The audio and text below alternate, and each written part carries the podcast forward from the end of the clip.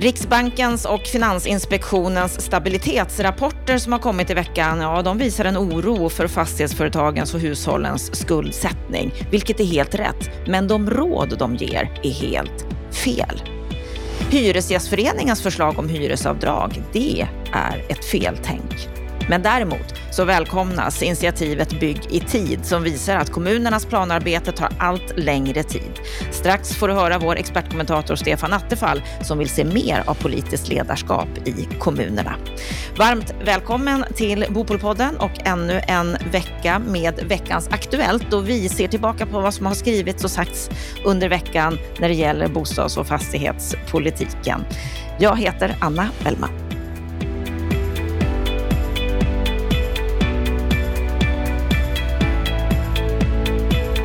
Vi börjar veckans Aktuellt med att både Riksbanken och Finansinspektionen har kommit med sina stabilitetsrapporter.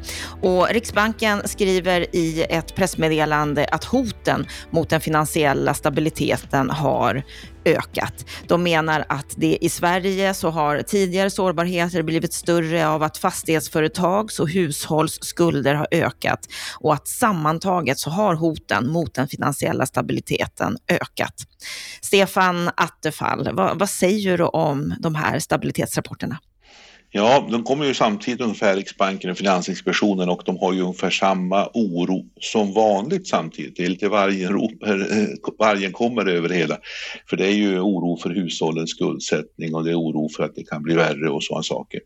Eh, nu finns det ju för fog för oro för nu har vi en ganska stökig omvärld med stigande räntor och samtidigt stigande inflation. Alltså vi har en, en kombination som är ganska ovanlig att det är både hög efterfrågan, vi har haft en kraftig stimulans av finanspolitiken, eh, länderna har pumpat in mycket pengar under pandemin och för att eh, möta olika typer av problem och så har Eh, riksbanker och eh, centralbanker har haft låga räntor och pumpat in mycket likviditet och så fått stark efterfrågan eh, som skapar inflation och samtidigt har haft med utbudsbegränsningar på grund av kriget i Ukraina, på grund av blockaderna mot eh, Ryssland, på grund av problemen borta i Kina med nedstängningar och eh, illa fungerande transportsystem. Så att vi har utbudsbegränsningar som driver priserna, vi har en hög efterfrågan som driver priserna och det här tvingar ju Riksbanken att höja räntorna och det är klart att är man räntekänslig, då får man problem.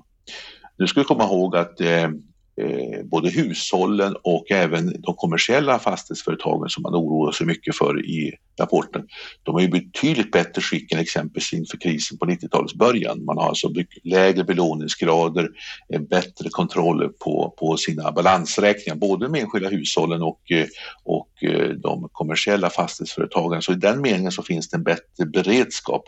Och ni vet ju också att hushållen prövas ju för högre räntor än vad som egentligen gäller under lång tid. De här KALP-kalkylerna, kvar att leva på kalkylerna tar ju riktig höjd för det. Så att i den meningen så är det inte alls samma risker och problem. Men visst finns det risker, framförallt för enskilda företag, enskilda hushåll. Och sen då ser vi att det här kan ju skapa en efterfrågeindragning. Eh, jag tror att Svenska Dagbladet har en, en uppgift om att om räntan höjs som marknaden tror här i Sverige, då kommer vi få en indragning av köpkraft motsvarande 80 miljarder kronor. Nu tror de flesta ekonomer att så kanske eh, mycket kommer inte räntan stiga, men eh, den kommer stiga. Så att visst, vi står inför stora utmaningar, det gör vi.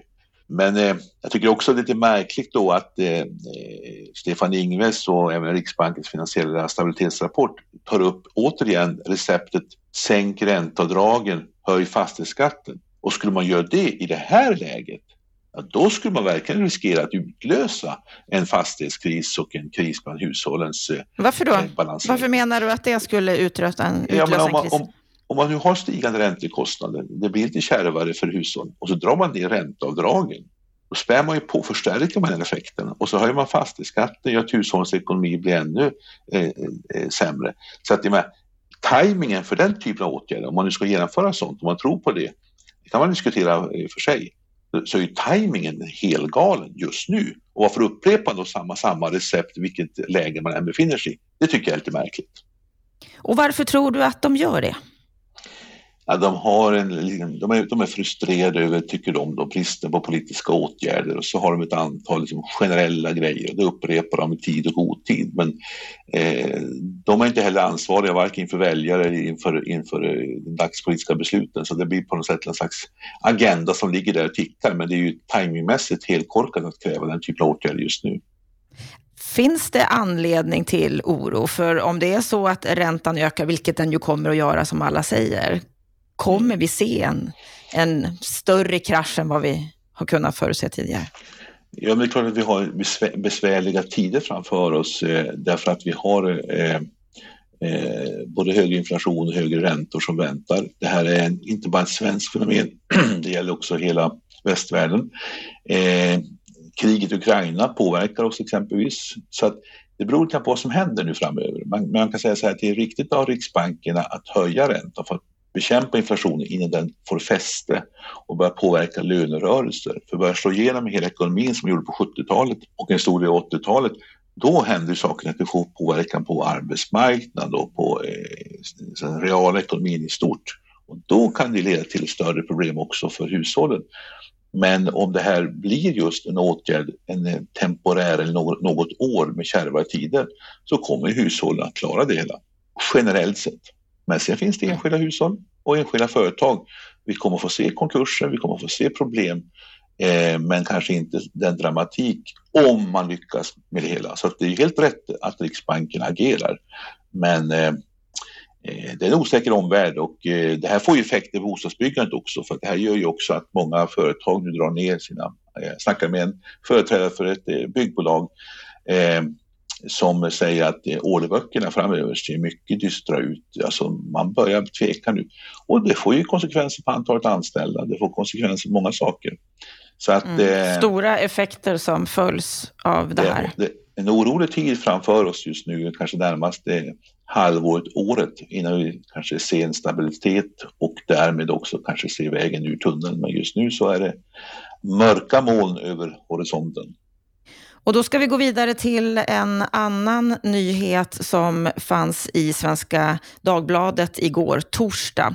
Och det är Hyresgästföreningen som vill införa skatteavdrag för hyresgäster. För precis som vi nämner här så, så har ju många grupper det tufft just nu och vissa grupper har ju kompenserats via statliga stöd när det har varit snabba svängningar i ekonomin. Och eh, Hyresgästföreningen de hänvisar till villaägarna som har kompenserats för de höga elpriserna här vid årsskiftet och att bilägarna har kompenserats för bensinkostnader. Och nu vill alltså Hyresgästföreningen att även hyresgästerna ska kompenseras med ett hyresavdrag. Vad säger du om det förslaget? Ja, men det här ser man ju alltså när, när, staten börjar kompensera alla för allt möjligt så, så, så blir det ganska naturligt att nästa grupp också kräver kompensation. Eh, så det här är en ond cirkel som eh, staten och jag säger nu samtliga partier på något sätt har gett sig in med, med eh, den här kompensationssnurren som har varit här. I den meningen kan jag förstå Hyresgästföreningen. Eh, men eh, det är för den skulle inte rätt därför att eh, driver vi det här för långt så kommer vi att bara dränera statskassan och eh, inte alls få ordning på de riktiga problemen. Så jag tror inte man ska ge sig in på det här spåret. Men jag har förståelse för att de också vill höja sin röst. Eh, man ska komma ihåg också en mekanism kopplat till det förra samtalet. Det är ju att en skyddsmekanism som finns nu det, är ju att de kommersiella fastighetsföretagen har ju inflationsklausuler i regel i sina hyresavtal vilket gör att den stiger med inflationen. Hyresförhandlingarna för, för hyresgästerna eh, visar sig också och fungerar så i praktiken att förr eller senare kompenseras man ju för de ökade kostnaderna hos eh, fastighetsägarna. Så det kommer att bli höjda hyror de närmaste åren. Nu för de också ett resonemang här i att det är som hushållen har skatteavdrag på sina räntor, räntorna stiger och blir skatteavdragen mer värda och då borde också hyresgästerna få del av den här kompensationen. Men då glömmer ju hyresgästen bort att ja, men det får ju företagen som hyr ut bostäderna. För de har ju också avdrag för räntekostnader i sina bokföringar. Det blir lite kortslutning i argumentationen. Det är alltså problemet med att jämföra en företagsbeskattning och skattesystemet för det och hushållens eh, eh, privatekonomiska beskattningar. Så jag tycker att de har lite fel logik där i sitt tänkesätt. Men jag är framförallt rädd för att om man börjar ge hyresgästerna kompensation så går man vidare till nästa grupp. Alltså vi är redan ute på sluttande planet, spring inte för långt på det och därför är jag skeptisk till den här typen av kompensationstänkande. Vilket jag har varit mot exempelvis de höga elkostnaderna. Eh, jag som hade fast bundna eh, elavtal, jag fick också kompensation. Alltså det blir trubbiga instrument. Det är bättre att utveckla bostadsbidraget till de mest behövande, att eh, titta över olika typer av stödsystem som riktar sig mot grupper som behöver hjälp, inte den här typen av generella kompensationer. De är jag råskeptisk till för att uttrycka mig diplomatiskt. Diplomatiskt men tydligt skulle jag vilja säga att du uttryckte dig där. Vi ska gå vidare till ett nytt initiativ som har tagits i byggbranschen. Ett seminarium häromdagen med initiativet Bygg i tid. Och det är fem företag som har gått samman i det här initiativet. Aros Bostad, Skanska, K-fastigheter, Riksbyggen och JM. Och de menar att byggprocesserna tar för lång tid, att det krävs politisk samverkan över blockgränserna. De menar bland annat att det tar nu i snitt fem år från det att en planprocess inleds tills att tillstånd getts och första spadtaget kan tas. Att myndigheternas handläggningstider har under de senaste fem till tio åren blivit allt längre, allt mer oförutsägbara och att konsekvenserna är påtagliga. De ser att samhällsbyggandet angår alla, men också att plan och tillståndsprocesserna i samband med bostadsutveckling omgärdas av så många inbyggda målkonflikter, mot motstridiga överväganden och återkommande omtag i handläggningen, att det sammantaget får betydande konsekvenser för landets ekonomiska utveckling. Om vi börjar bara med själva initiativet, Stefan, vad säger du om det? Mycket, mycket angeläget, mycket bra, mycket bra. Eh, och jag tror vi ska hylla lite extra Nancy Mattsson som jag tror är mycket drivande i det här initiativet. Hon, hon jobbar ju på JM. Men just det här med planprocessen, att de har blivit längre och längre. Jag var ju själv eh, bostadsminister och försökte förkorta planprocessen. Jag gjorde ett antal reformer som innebär att man kan gå snabbare fram i olika avseenden. Och jag ska också säga att även eh, efterföljande bostadsminister, inte minst Peter Eriksson, tycker jag också fortsatte med en del olika eh, åtgärder för att bidra till detta. Men eh, problemet är att kommunernas tillämpningar blir allt mer utdragna, delvis på grund av en del domar som har kommit som har gjort det svårare. Men de sätter ju siffror nu på det hela. Genom riktiga undersökningar med hjälp av evidens och Ted Lindqvist så har de undersökt det här noggrant. Och ett företag som heter Arkwright har varit inblandat kartlagt och sett just hur tiderna ökar. Alltså vi har ett snitt i Stockholmsregionen på 50 månader, ett genomsnitt. Och jag tror att Sollentuna var värst med 72 månaders planläggningstid i genomsnitt. Alltså det är horribla siffror. Och så sätter de också siffror på det här med hur, vad kostar det här i form av färre eh, byggda bostäder. Eh, och de pekar på att eh, varje år extra som ledtiderna tar för att få fram detaljplanen för att komma från idé till att man börjar sätta nyckeln i dörren så är det 4 000 bostäder per år färre byggda.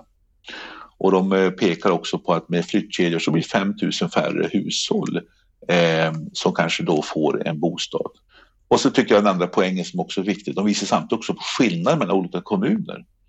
Eh, och eh, jag såg i seminariet så var Jonas Nygren med från, som var kommunstyrelseordförande i Sundbyberg en gång i tiden och han var ju eh, representerade en kommun då som byggde ganska mycket och alltså inom befintligt regelverk så kan olika kommuner sköta sig snyggare och det visar också skillnaden i staplarna de har där också.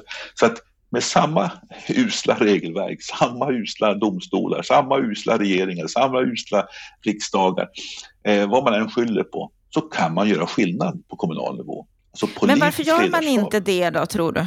Varför ja, det, blir det inte bättre? Det är politiskt ledarskap och politisk kultur som är en av nyckelfaktorerna. Det är klart det spelar roll om man har stark efterfrågan eller inte också, men om du jämför likartade kommuner men för samma förutsättningar så har det varit så under lång, lång följd av år.